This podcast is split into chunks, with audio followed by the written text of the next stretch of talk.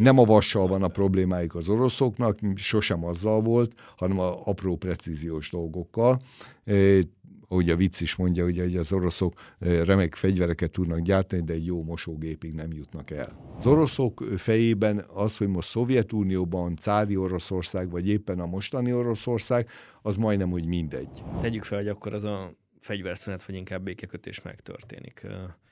Zelenszky fogja szerinted elvinni oda az ukránokat? Én erre minimális esélyt látok. Háború, hatások, Európa, a hét legfontosabb történései stratégiai nézőpontból minden csütörtökön a Mandiner felületein.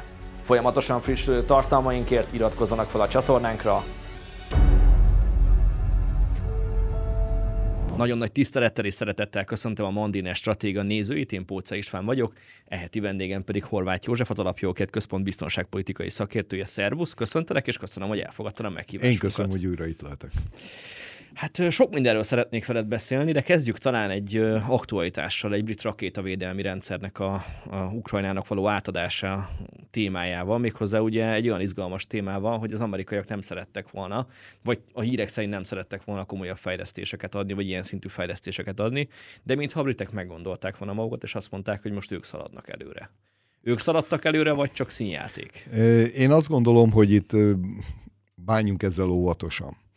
Tehát az Egyesült Államok és Nagy-Britannia közt különösen azóta, mióta elhagyták az Európai Uniót a britek, azóta egy még szorosabb szimbiózis jött létre, és ehhez tegyük még egy dolgot hozzá, ugye, hogy az elmúlt év során az AUKUS néven egy új katonai stratégiai szövetség is létrejött, amiben az Egyesült Államok mellett és Nagy-Britannia mellett már ott van Ausztrália is, tehát egy jó részt, ha látjuk, akkor egy inkább a dél-kelet-ázsiai térség felé forduló katonai szövetségről beszélünk. Tehát magyarul a kérdésedre válaszolva én azt gondolom, hogy a britek önállóan egy ilyen stratégiai jelentőségű döntést nem hoznak meg. Tekintettel arra, hogy ha az amerikaiak ragaszkodnak ahhoz, hogy olyan fegyvert, amivel Oroszország mélységi támadását teszik lehetővé az ukránoknak, eddig ennek az átadásától tartózkodtak. Ez egy támadásra is alkalmas fegyver? Abszolút mértékben. Tehát hmm. azért olyan fegyver, ami védekezésre alkalmas, csak olyan kevés van. Hiszen láttuk azt, hogy például az orosz S-400-as rendszert, ami egy légvédelmi rendszer, a, kifogynak a rakétából, az oroszok azzal támadnak. Hmm. Tehát ebből a szempontból azért érdemes tisztán látni mindenkinek, hogy a fegyver az talán az egy, fegyver. így van, egy pajzsal is, amivel a középkorban védekeztek a katonák, azzal is lehet egy gyilkolni, mert raktak rá olyan kiszögelléseket, például amivel az ellenséget halálosan meg lehetett sebezni.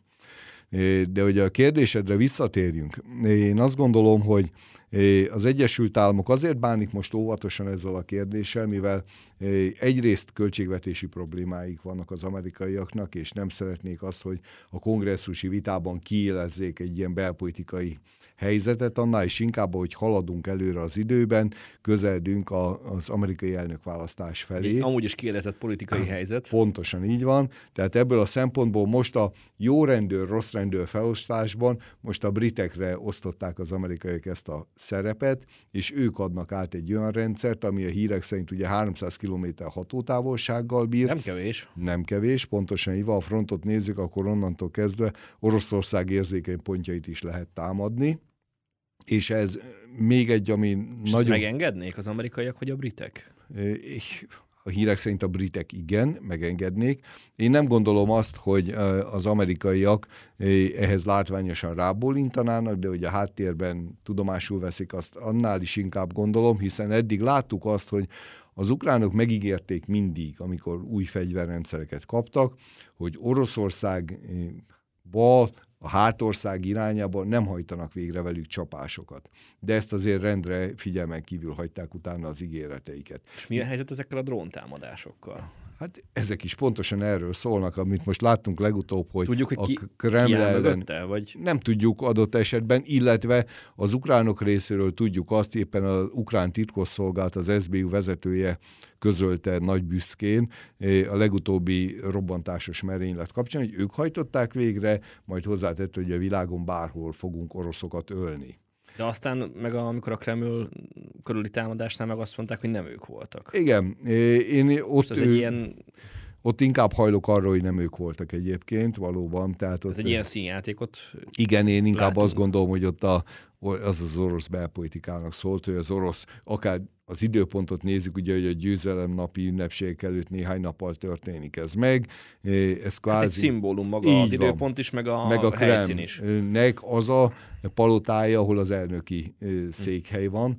Ugyanakkor a, maga az eszköz önmagában alkalmatlan volt egy valódi támadás végrehajtására, hiszen az, hogyha néhány kiló robbanóanyaggal, ne gondoljuk azt, hogy a mindenkor orosz elnöknek a rezidenciáját meg lehessen támadni.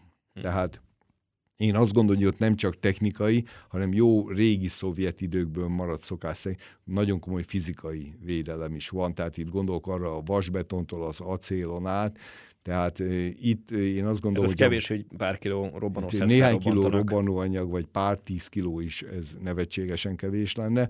Itt, hogyha valaki komolyan gondolná ezt, ne hogy Isten, akkor azt gondolja, hogy vannak azok a speciális bunkerromboló bombák, amelyek többszörös robbanó töltettel bírnak, ahogy haladnak át többszörös de azért ezt nem védelmi zónákon. lehet csak úgy beszerezni, nem a... Hát Kimegy az ember a piacra is. Piacon de... nem lehet beszerezni, de egyébként a hadseregek, pláne a világ erős hadseregei ilyenekkel rendelkeznek. És az ukránok rendelkeznek?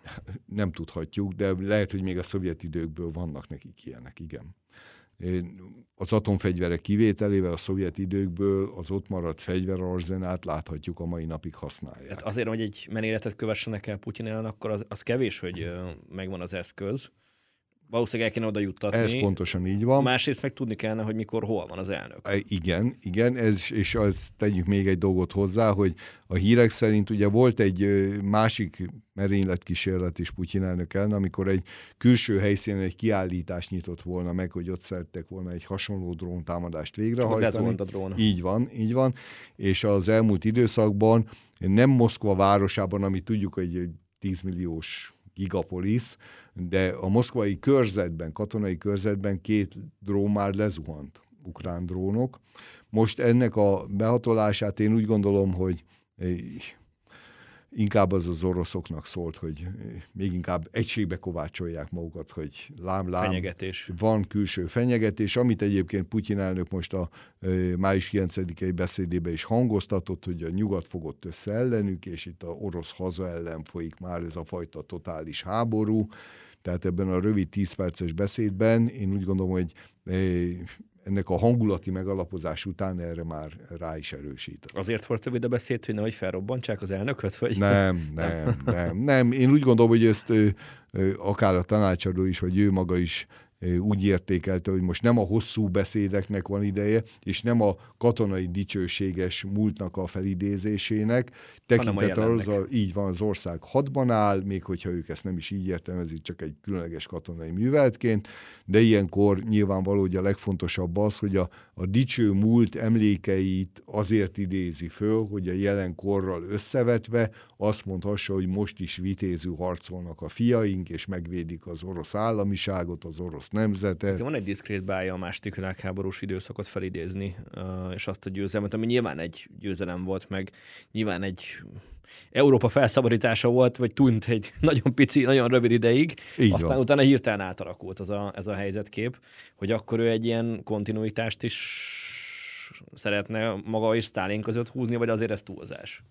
Nem maga és Stalin között, én azt gondolom, hanem az akkori és akár a cári időktől kezdve. Tehát az oroszok fejében az, hogy most Szovjetunióban cári Oroszország, vagy éppen a mostani Oroszország, az majdnem, hogy mindegy orosz birodalom. Tehát a birodalmi tudat, az orosz nemzettudatnak a birodalmi lét az a velejárója.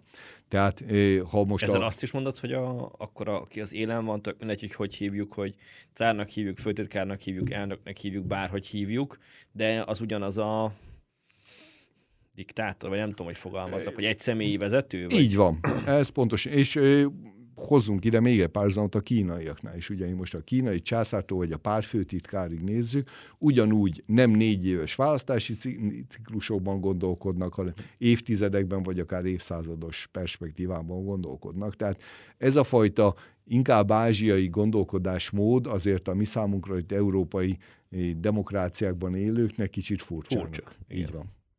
Térjünk egy pillanatra vissza erre a fegyverrendszer kérdésekre, hogy azt mondtuk, hogy a britek odaadják ezt a dolgot. Azt mondod, hogy az amerikaiak valószínűleg hallgatólagosan támogatják ezt.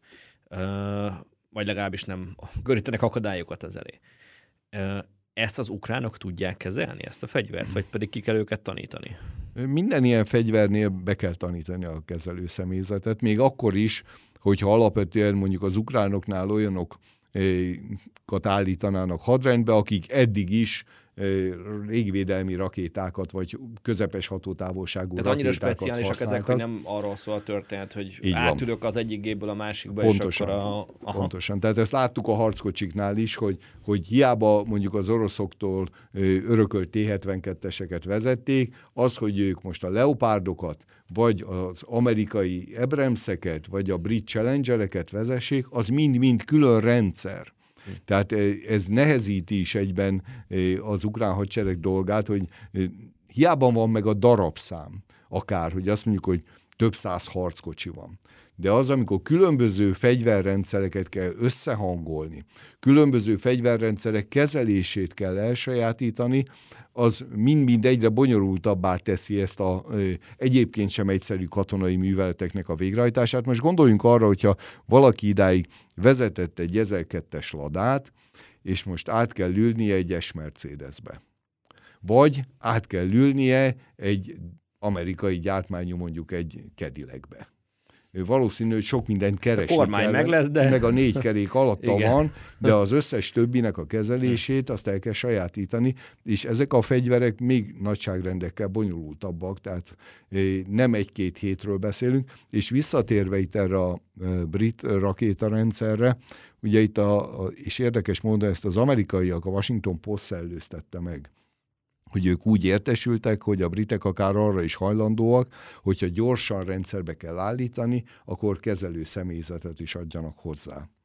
Tehát erre meg azt gondolom, hogy eh, lehet, hogy a megszellőztetés pont arra szolgál, hogy nehogy ez megtörténjen mert ha ez megtörténne, onnantól kezdve a háborús eszkalációnak egy új szakaszába lépnénk, hogyha már nem zsoldosok, nem külső tanácsadók, hmm. hanem effektív brit katonák, katonák lennék. Még ha a brit katonákat most tanácsadóként egy másik keki ruhába öltöztetik, és nem brit felséggel vennének részt, de akkor is ez egy másik minőség lenne már nyilvánvalóan. Megjelennek, mint egy magáncég. Így van, is. így van, mint egy magáncégként megjelennek. Nem véletlen az, hogy, és itt most visszatérek a május 9-i Putyin beszédre, ugye ő azt mondta, hogy már ők a egységes nyugat találnak hadban, hiszen egységesen vonul fel velük szemben. Minden ilyen momentum, amiről most beszélünk, egyrészt a háború eszkalációjához vezethet, másrésztről pedig az oroszoknak az elszántságát növeli, harmadrészt pedig ez vele is hozhatja azt is, hogy, hogy a háború kiterjedhet, vagy ne egy Isten újabb fegy, és újabb, még pusztító fegyvereket vetnek be. Amiről Putyin beszél, az is eszkaláció. És az is eszkalációt eredményez. Igen, így van. Amiről Putyin beszél, az eszkalációt eredményez, ám alapvetően most még ennek a jeleit a fronton nem látjuk. Tehát, hogy újabb csapatokat dobnának át, vagy újabb mozgósítást rendelnének el, vagy a Wagner féle magánhadsereget a börtönökből újra föltölteni. Tehát ennek jeleit most nem látjuk, tehát úgy tűnik, hogy létszámban úgy látják, hogy ez most elegendő, és Sojgu hadügyminiszter ugye az elmúlt két hétben körbejárta az orosz állami hadipari cégeket. És utána azt jelentette a kormánynak, hogy a hadipari cégek el tudják látni a hadsereget erre a különleges katonai műveletre, és egyedül a precíziós rakéták vonatkozásában kellett megnógatni a gyártó céget, hogy duplázza meg a kapacitását, hosszabb munkaidőt rendeljenek el. Akik gondolom nagy örömmel is szívesen Igen, hát nyilvánvaló. Mondták, hogy természetesen. Pontosan, összecsapták a bokájukat, és parancs értettem, és végrehajtják. Azzal együtt, hogy nem tudjuk, hogy itt a parancson túlmennél mondjuk a high-tech eszközökhöz megfelelő mennyiségű alkatrészsel, például csipekkel rendelkeznek. Pont ezt akartam kérdezni, hogy Igen. Nyilván gondolom, a kiönteni a, magát a bombát, az, vagy a rakétát, az nem, a, nem, a, nem az a nagy Nem a vassal van szám. a problémáik az oroszoknak, sosem azzal volt, hanem a apró precíziós dolgokkal ahogy a vicc is mondja, ugye, hogy az oroszok remek fegyvereket tudnak gyártani, de egy jó mosógépig nem jutnak el. De is ez sajnos a mai napig sok szempontból igaz. Tehát, és az igaz, hogy mosógépeket szerelnek szét, hogy csippek legyenek? Ne zárjuk ki ezt egyébként, mert ez egy ilyen bombónak tűnik, hogy egy ilyen jó... Elég furcsa, igen. Igen, ugyanakkor a mai modern háztartási gépekben kétségtelen, hogy olyan csipek vannak, hogy amelyek már egyfajta számítógépként vezérlik, irányítják, távirányíthatóvá teszik a háztartási gépeinket, okos otthonokat lehet építeni, és sokszor bele sem gondolunk abba, hogy e mögött mekkora informatikai háttérrendszernek kell működésben lennie, a veszélyeiről most ne beszéljünk, de összességében ne zárjuk ki ezt, hogy háztartási gépekből nem a, a csúcs eszközökről beszélünk, tehát a megbízható középkategóriáról beszélünk. Azért a nézőknek, hallgatóknak mondjuk, hogy ne próbálják ki otthon a rakétát összeszerelni, nem? Nem, nem, ez, ez nem is így működik, de hogy azok a csippek sok mindenre alkalmasak, azt tudjuk. Tehát, hogy most egy telefonba rakják be, vagy éppen egy mosógépbe, vagy egy mikrohullámos sütőbe. Az vagy sokszor, egy rakétába. Vagy ne, Isten, egy rakétába, így van. Hm. És a térjünk egy pillanatra megint vissza ez, hogy a britek küldenek embereket. A, lehetséges, hogy azért küldik, vagy küldenék ezeket az embereket, hogy kontrollálják a rendszernek a használatát.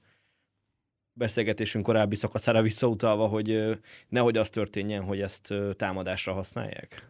Igen, ez teljesen jogos. Tehát egyik részről benne van ez a lehetőség, hogy azért, hogy valóban olyan célpontok ellen vessék be az ukránok, amely nem ütközik az angol száz érdekekkel. Ugyanakkor ennek van még egy oldala. Éppen a napokban a brit kormány jelentést szivárogtatták ki, ami arról szól, és sok szempontból alátámasztja az amerikaiaknak az eddigi információit, miszerint az ukrán frontra szánt fegyverek közel 30%-a Ukrajnába való belépés és a frontvonal között egy fekete lukban eltűnik. Tehát valószínű, hogy azt is szeretnék megakadályozni, hogy ezek a modern fegyverek ne kerülhessenek olyan kézbe, amelyek ne Isten egy terrorszervezet kezébe. Ezt akartam pont kérdezni, hogy eltűnik, de hova tűnik? Igen, én azt gondolom, hogy... Gondolom ez az amerikaiakat és a briteket is foglalkoztatja. Persze, ez a világon gyakorlatilag minden ország minden titkosszolgáltát folyamatosan foglalkoztatja, ugyanígy a nato belül is ez egy állandó feladat.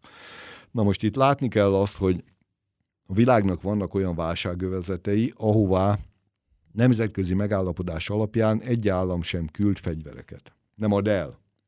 Egész egyszerűen azért, mert ott ö, olyan fajta kaotikus viszonyok vannak, nem akarnak háborút támogatni. Így van, vagy olyan hadurak működnek, akiket nem akarnak felfegyverezni, nem akarják, hogy még több polgári lakos uh-huh. essen áldozatul, és még sorolhatnám. Vagy olyan kettős vagy hármas felhasználású eszközöket, amely alkalmas arra, hogy vegyi, biológiai vagy atomfegyvert is elő lehessen vele állítani, közben békés célokra is, mert műtrágyát lehet vele csinálni, festéket lehet vele csinálni, vagy gyógyszert lehet vagy vele. elektromos áramot. Igen, így van, pontosan így van. Tehát ez mind-mind hmm. komoly nemzetközi kontroll alatt van. Tehát ebből a szempontból én úgy gondolom, hogy ha ránézünk a világ válságövezeteire, és itt most emeljük ki Fekete-Afrikát, látjuk, hogy ott is időről időre kirobbannak olyan fajta kisebb-nagyobb belső háború, törzsi villongások, hadurak közti ellentétek vagy pucsok, amelyek kapcsán mindenki fegyvert akar szerezni. És ezeknek Mondhatjuk, a... ez a normál ügymenet része ott, hogy Abszolút. Van egy állandó versengés, és akkor az ilyen harcokban manifestálódik. És így van, hogy akinek van elég pénze, és itt tudjuk a véres gyémántoktól kezdve sok minden filmek születtek e tekintetben is, hogy akinek van pénze, vagy olyan fizetőeszköze, ami könnyen a piacon pénzé tehető, az megtalálhatja azokat a bűnszervezeteket, vagy fehérgalléros bűnözőket, akik ezekhez a fegyverekhez hozzá tudnak jutni. Tehát vannak ilyen nepper vállalkozások, amelyek erre szakosodtak, hogy úgy mondjam, hogy az ilyenfajta illegális igényeket igen borsos áron kielégítsék, és, és annak most, adják, aki fizet. És akkor most Ukrajna egy, egy lehetőség, egy felbevő pont, vagy nem ezeknek a... Hát egy pláza, ahol lehet vásárolni. Ilyen volt a délszláv háború is egyébként, aminek hm. most látjuk a szomorú következményeit napjainkban is. Gyakorlatban hogy kell elképzelni, hogy oda mennek, és azt mondják a hogy ezt a szállítmányt most elvisszük, elrabolják ezt, vagy pedig valakit megfizetnek, vagy mi történik? Valaki együtt működik ez? Úgy kell elképzelni, hogy mindig mi kell egy kiépített ilyenkor? hálózat. Hm. Tehát be kell épülni az adott ország államigazgatásába, hadseregébe, infrastruktúrájába, meg kell kenni a vámellenőröket, határőrizeti szerveket, hogy utána ezeket el lehessen szállítani. De ez nem úgy működik, hogy most mi ketten beülünk az autóba, oda megyünk, és nem tudom, visszajövünk hat kalasnyikovval. Nem, ez nem a jó, nem a vállalkozókedvű civileknek a Nem, mint a megpróbálnánk, ez de egy igen. életveszélyes játék Aha. lenne.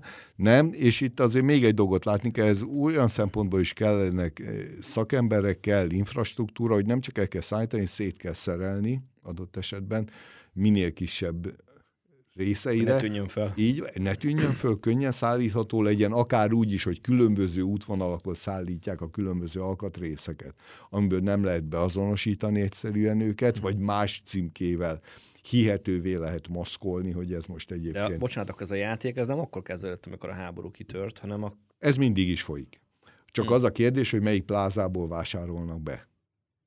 Tehát amíg igény van, addig a bűnözés ezt az igényt mindig igyekszik kielégíteni. És most van egy ukrajnai pláza. Van egy jelentős árutöblettel rendelkező pláza, ahol És időnként... orosz pláza is van? Mindig is volt. Mindig is volt. Mindig is volt, igen. Igen.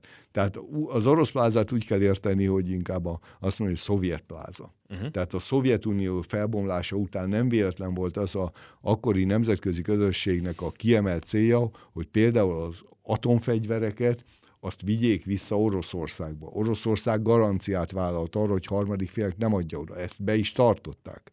Hm. Így állt például, hogy Ukrajnából is elszállították az atomfegyvereket. De akkor egy valós félelem volt, hogy a... Abszolút. Nem csak Karasnyikovot viszel valaki, nem, hanem mondjuk egy a nukleáris tehát töltetet. A, a hidegháború lezárultától az ezredfordulóig, tehát ez a jó tíz hm. év során a biztonsági szolgálatoknak kiemelt feladata volt, ez az atom lobby felszámolása, akik illegális kereskedelemben el akarták adni, mert hatalmas igény volt erre a piacon. A 90-es éveknek a akciófilmjei, meg a 2000-es évek elejé akciófilmek része is ezzel, ezzel a kérdéssel És ez a való világ volt, igen, ez hmm. volt a való világ, tehát abban az időszakban terroristáktól kezdve eh, diktátorokig hmm. mindenki úgy gondolta, hogy bevásárol magának egy atomfegyvert, amivel bebiztosítja a saját székét. Hát, be. Ez, látjuk Észak-Korea kapcsán, hogy ez a gondolkodás hová vezetett. Működött. Így van.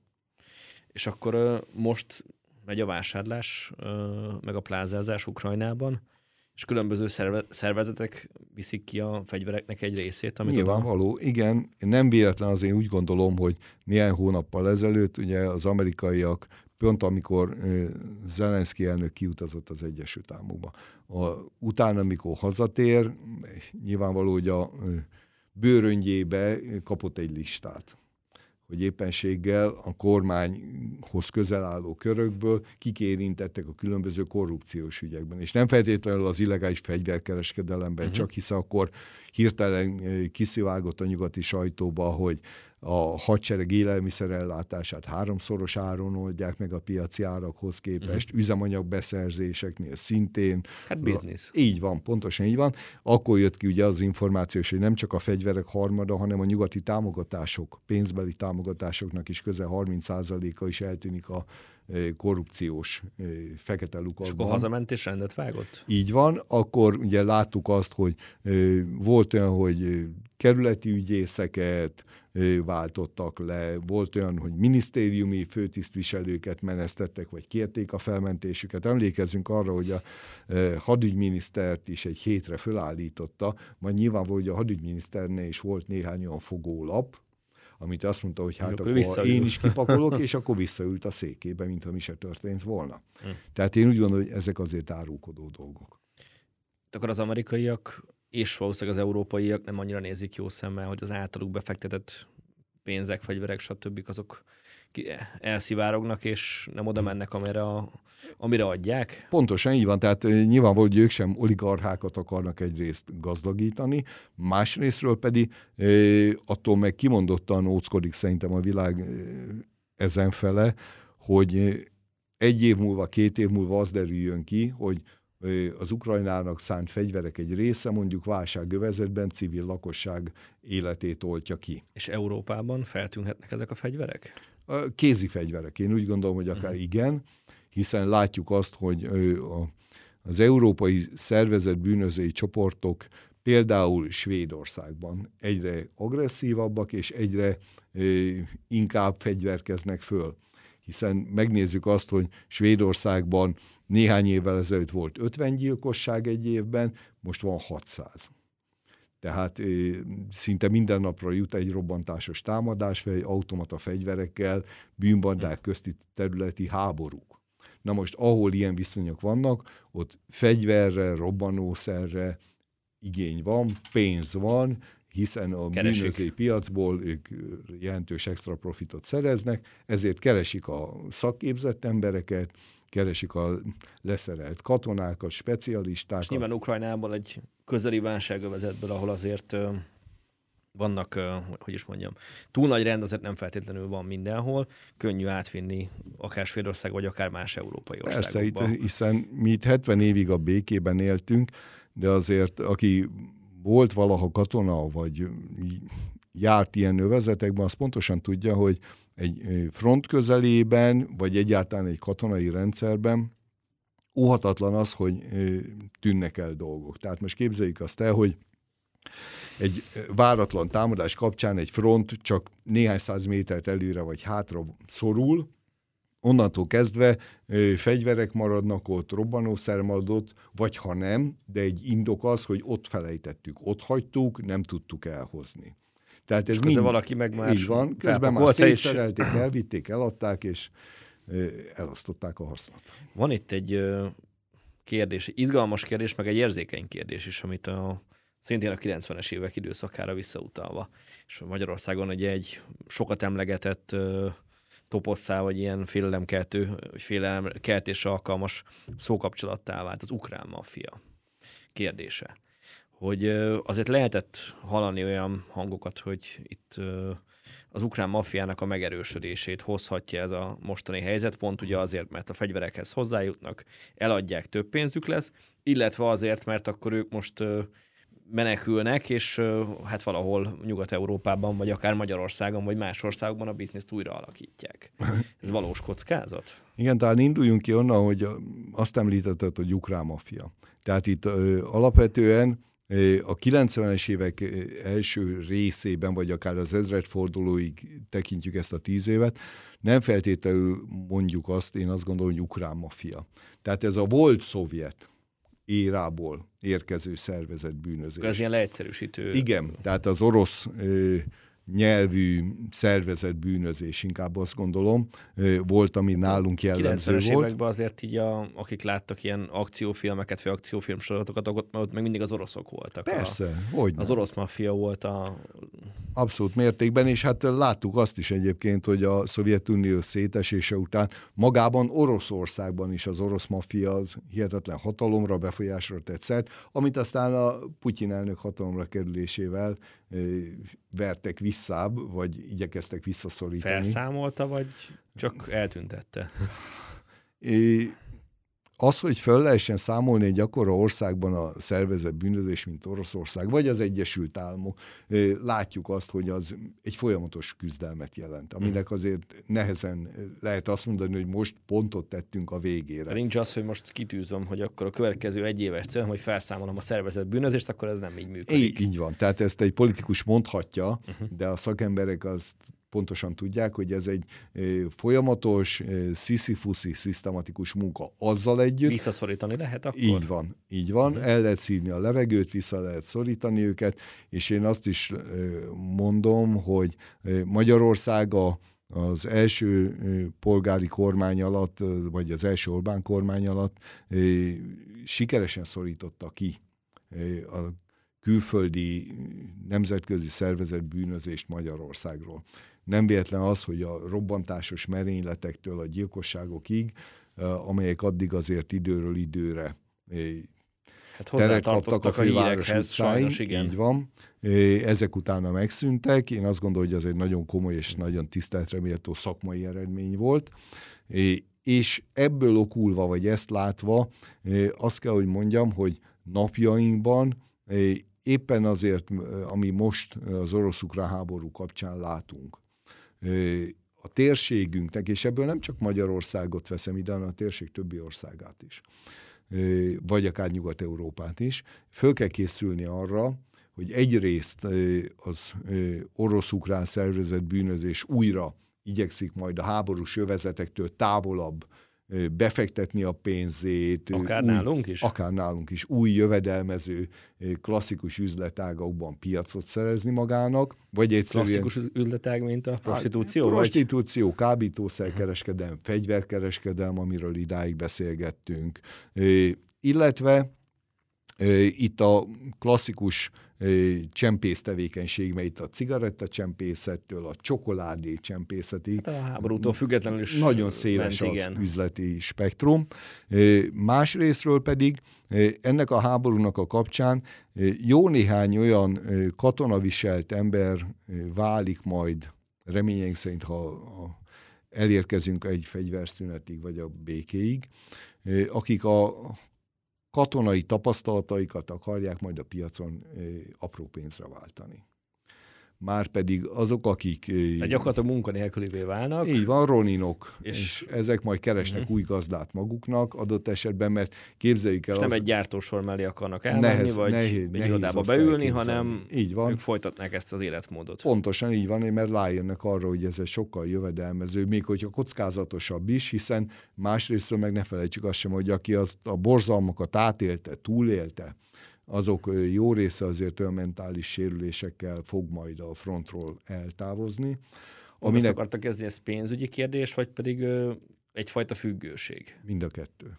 Így a kettő együtt. Tehát én ugye itt ugye ezt az amerikaiak már rájöttek a vietnámi háború után, hogy ez a posztraumás stressz ez utána Amerikán belül is számos problémát okozott.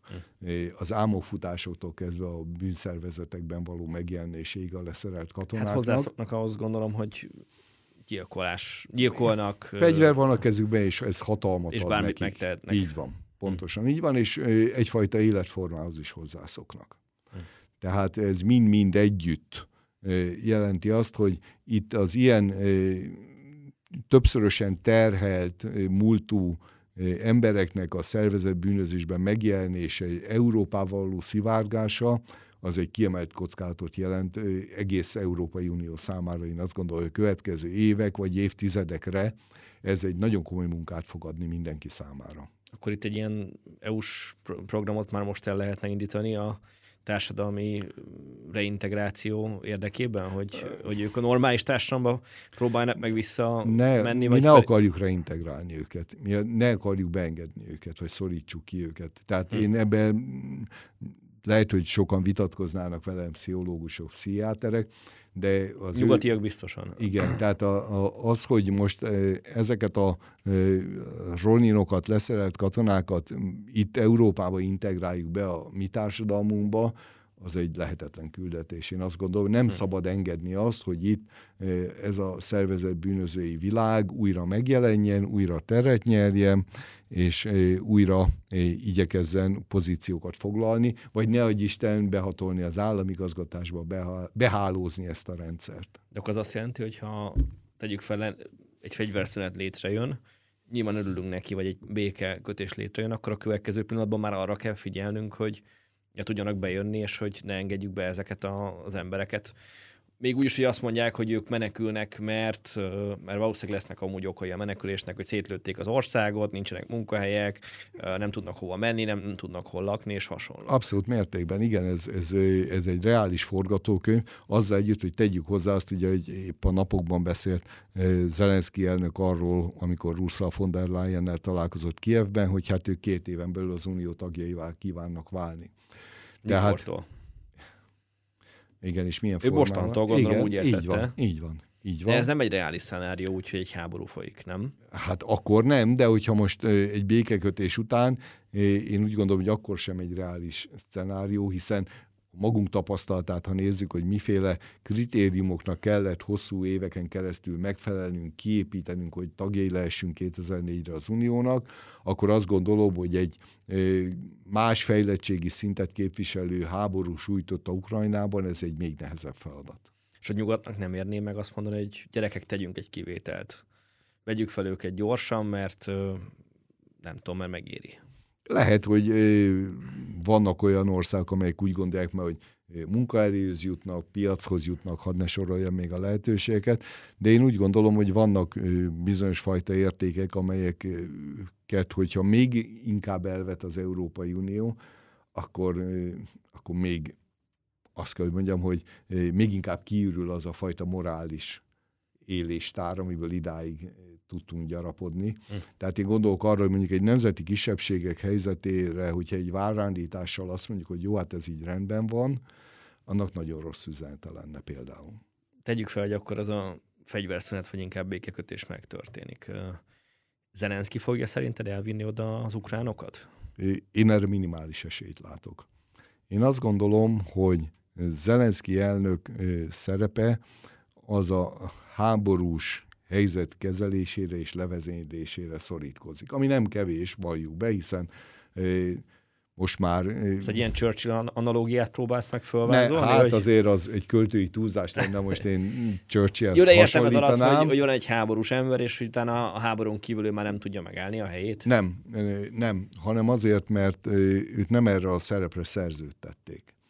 Az ő szerepe, én meggyőződésem szerint arra szorítkozik, hogy ebben a háborúban, hogy úgy mondjam, képviselje egyrészt a nyugati érdekeket, kiemelte az Egyesült Államok érdekeit, másrésztről pedig ezt kommunikálja a saját lakossága felé. Nem véletlen az, hogy a háború kitörése előtt mélyen volt a népszerűsége Zelenszkijnek, majd utána a háború kitörése után mivel ezt a új szerepkört igen hitelesen és adja elő. Mert és össze is roppanhatott így volna van, nyilván pontosan. mentálisan is, meg így van. politikailag is. Igen, tehát ebből a szempontból úgy gondolom, hogy jól teljesített, ha úgy nézzük, viszont ha elérkezünk a, akár csak a béke tárgyalások küszöbéig, vagy reményéig, valós reményéig, akkor azt gondolom, hogy Zelenszky elnök már teherré válik, és nem megoldássá. Hm. Tehát gondoljunk abba bele, hogy miket mondott az elmúlt hm, hosszú hónapok során a háború alatt Putyin elnökre, Oroszországra, az orosz emberekre. Tehát az, hogy Nehéz most, elképzelni, hogy leülnek egy asztal mellé. Azt ketten. én nem, pillanatilag nem látom elképzelhetőnek, hogy leülnének vele egy részről. Más részről azért azt is tegyük hozzá, hogy egy béketárgyalásoknál már legalább ilyen fontos, hogyha ez főleg, ha egy nemzetközi égisz alatt indulnának meg ezek a béketárgyalások, vagy akár csak a tűzszüneti tárgyalások, itt a katonáké az első szó.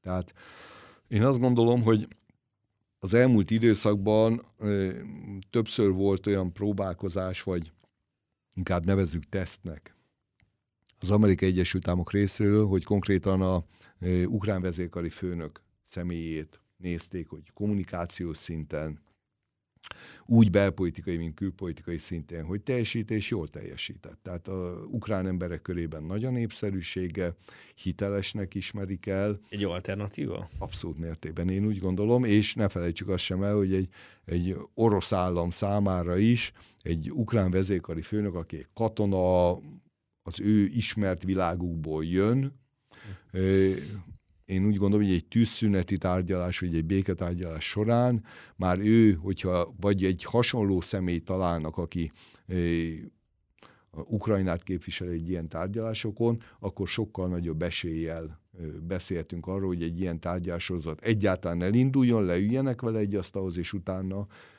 reménybeli sikerig el lehessen vinni ezt a folyamatot. Tehát akkor azt mondod, hogy Zelenszkit le kellene cserélni ahhoz, hogy itt egy valós béketárgyalás tudjon elindulni a Igen, ez... Azért ez kemény. Hát, ezt a történelmből ugye azért a Bibliából is tudjuk, ugye, hogy Kánaán földjére már nem lehet belépni. Vagy mi magyarok Más is, vezette be a népet, így igen. van, vagy álmos vezér is, ugye uh-huh. nem, ő már nem jön be a Kárpát-medencébe. Tehát vannak ilyen pillanatok, amikor a, a mór megteszi a kötelességét, és onnantól kezdve már egy új. Új oldalt kell nyitni, egy tiszta lapot kell nyitni. Tehát én azt gondolom, hogy ha közeledünk a fegyverszünethez, vagy a béketárgyalásokhoz, akkor Ukrajnának sok szempontból egy új lapot kell nyitnia. De azért Zelenszky itt a nyugati világban egyfajta rockstar lett. Tehát azt én nehezen tudom elképzelni, hogy ő feláll és elvonul, és azt mondja, hogy itt a terep. Igen. Vagy, vagy megkérik rá, vagy pillanatnyilag nehezen valahol tudjuk átültetik, vagy? Pillanatnyilag nehezen tudjuk ezt elképzelni, de, de azt se felejtsük el, hogy Zelenszky elnök kapcsán is nyugati sajtóban is időről időre megjelennek írások a vagyonáról, ingatlanjairól. Kritikai éllel, igen. Pontosan így van. Tehát ebből a szempontból én úgy gondolom, hogy meg lehet ezt kommunikációs szinten indokolni, és fel uh-huh. is lehet építeni egy ilyen forgatókönyvet, azzal együtt, hogy ha idáig eljutunk, ezt majd az idő be fogja bizonyítani, de most is, amikor ugye Hágában tárgyalt az ukrán elnök, és azt mondja, hogy akkor kötelességük, hogy Hágába állítsák büntetőbíróság elé Vladimir Putyin, uh. na innentől ezzel képzeljük el, hogy akkor hogy lehet velük tárgyalni. Tehát itt, itt olyan rubikonokat léptek át, olyan ajtókat csapkodtak be, amit nem lehet egyszerűen semmisé tenni és kinyitni utána. Viszont ugye másik oldalon meg sikeres kommunikáció, mert rengeteg támogatást kapnak, pénzt kapnak, fegyvert kapnak. Így van.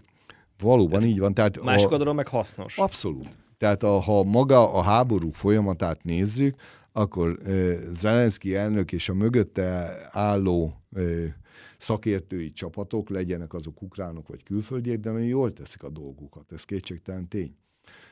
Tehát itt azért az, amit ők összeraktak támogatásban, nemzetközi szintéren az ukrán nemzet újrapozicionálásában, Ukrajna, mint olyan elismertetésében jelentős szerepük volt, ez kétségtelen tény. De hát tudomásuk kell venni, hogy új szerep van, akkor sokszor újra kell osztani a szerepeket is.